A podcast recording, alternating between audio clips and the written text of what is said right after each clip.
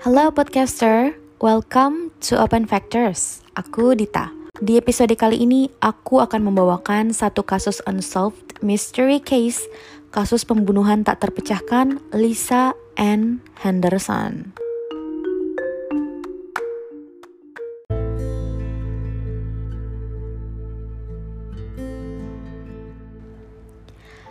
Aku sudah kehilangan banyak hal. Aku adalah orang terakhir di sini yang akan menjadi pejuang untuk putriku. Unquote. Gary Henderson, ibu dari Lisa Ann Henderson.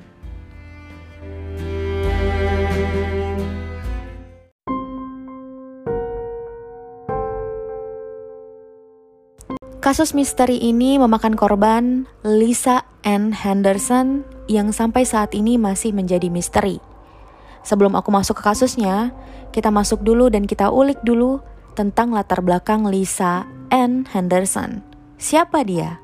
Lisa Ann Henderson lahir pada tahun 1961 di United States dari pasangan Henderson.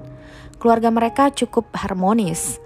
Ayah Lisa diketahui saat itu bekerja sebagai administrator di kantor persatuan sekolah dan ibunya, Gary Henderson, sangatlah sabar dan juga menyayangi anak-anaknya. Tidak banyak yang kutemukan mengenai masa kecil Lisa Ann, namun berdasarkan fakta dari beberapa sumber, Lisa dikenal sebagai pribadi yang ramah, ceria, dan pekerja keras. Ia juga tidak memiliki pacar saat itu.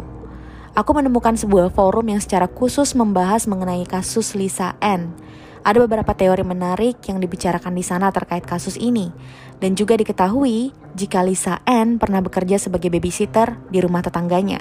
Dan kita akan masuk ke kasusnya, dan nanti kita akan bahas tentang teori kasus ini.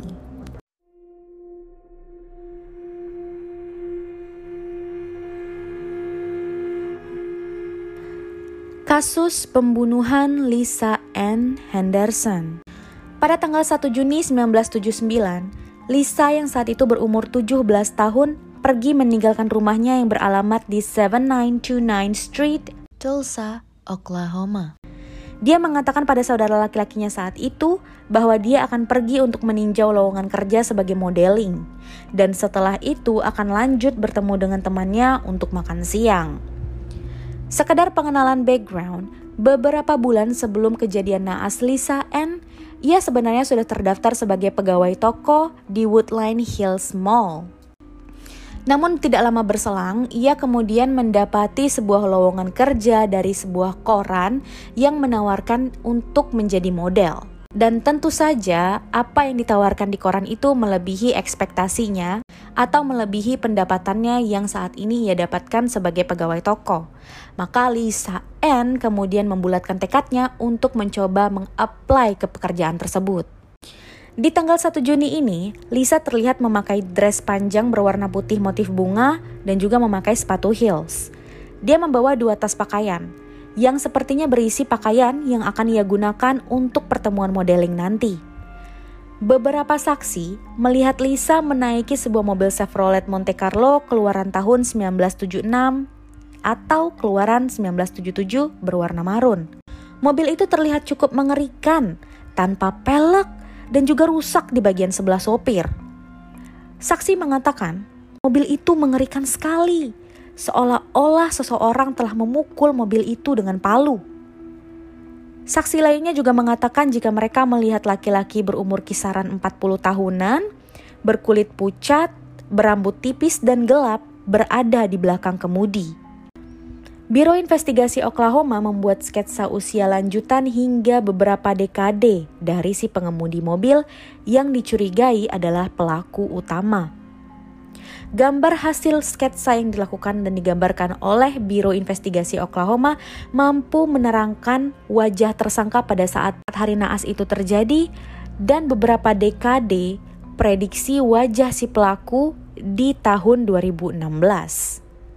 Namun sayangnya, sketsa itu tidak berujung pada satupun tersangka. Meskipun ada banyak spekulasi dan teori mengenai beberapa tersangka yang nantinya akan nyangkut di dalam daftar tersangka yang mungkin menjadi pelaku penculikan dan pembunuhan Lisa Ann Henderson. Tidak biasanya Lisa pulang terlambat tanpa memberi kabar terlebih dahulu, dan kepulangannya yang lewat dari petang hari membuat keluarganya mulai khawatir.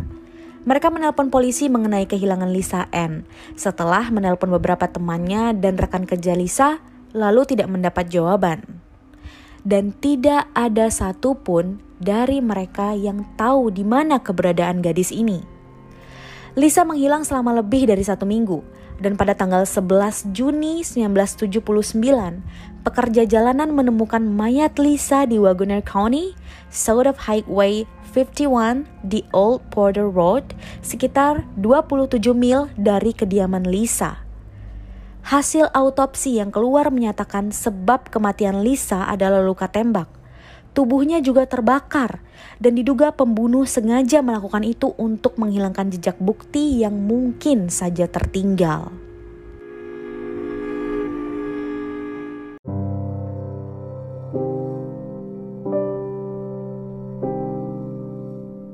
Kali ini kita akan masuk ke teori-teori kematian Lisa N. Henderson.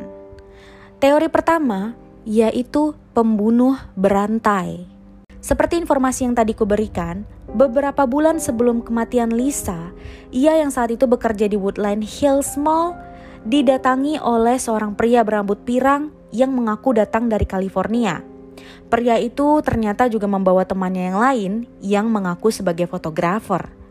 Mereka menawarkan Lisa untuk bekerja bersama mereka sebagai model. Mereka mengatakan, Lisa, kamu memiliki wajah dan tubuh yang proporsional untuk menjadi model.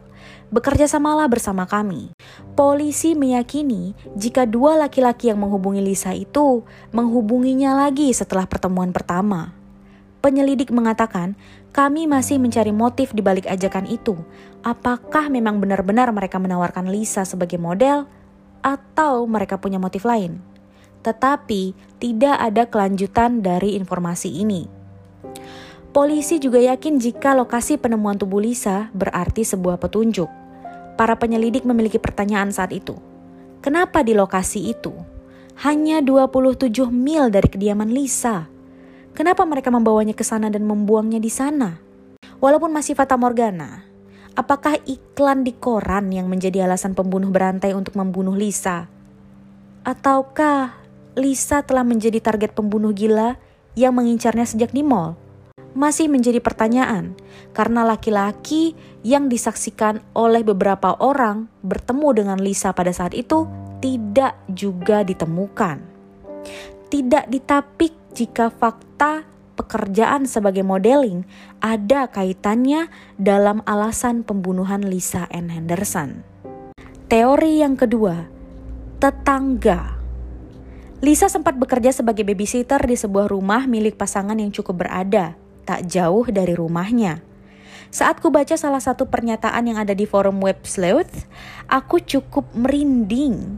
Ditulis di tahun 2015 oleh pemilik akun Oak in Tulsa, ia mengatakan di tahun 2010 ia telah menghubungi polisi perihal informasi seorang lelaki yang kemungkinan memiliki kaitan dalam kasus kematian Lisa. Laki-laki ini tinggal di lingkungan yang sama dengan Lisa Henderson, dan ia dikenal sebagai lelaki abusive atau lelaki kasar. Selama empat periode dekade hingga kini, ia telah melakukan kekerasan fisik, verbal maupun non-verbal kepada istri-istrinya. Ia, laki-laki itu memiliki lebih dari satu istri.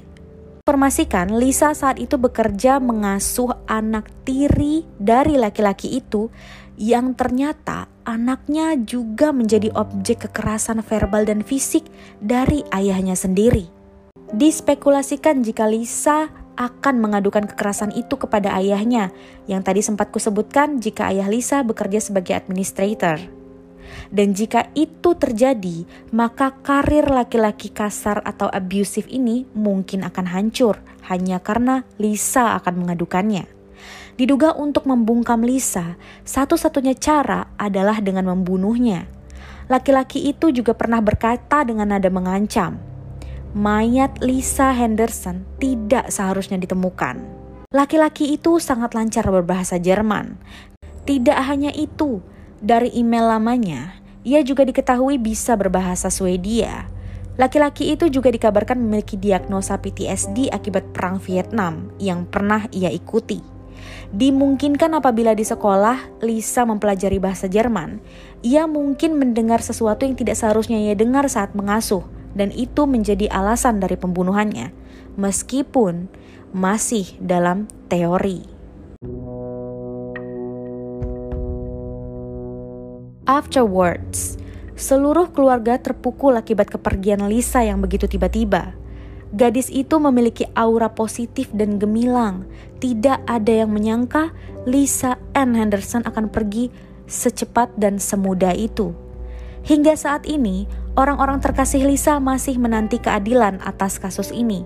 Meski telah lama berlalu dan kemungkinannya tipis, Gary, ibu Lisa berkata, "Aku hanya ingin tahu siapa yang bertanggung jawab yang akan membayar ini semua. Kini, Ibu Lisa merasa hampir kehilangan segalanya. Ia berkata, "Aku sudah kehilangan banyak hal. Aku kehilangan suamiku. Aku kehilangan putraku. Aku adalah orang terakhir di sini yang akan menjadi pejuang untuk keadilan putriku." Gary Henderson, Ibu Lisa, meminta kepada siapa pun yang memiliki informasi terkait kematian putrinya ini untuk segera menghubungi polisi. Bahkan ada reward atau hadiah bagi siapa pun yang memiliki informasi mengenai pembunuh Lisa. Aku hanya ingin keadilan untuk putriku dan dia berhak mendapatkannya. Menurutmu, apa yang terjadi dengan Lisa?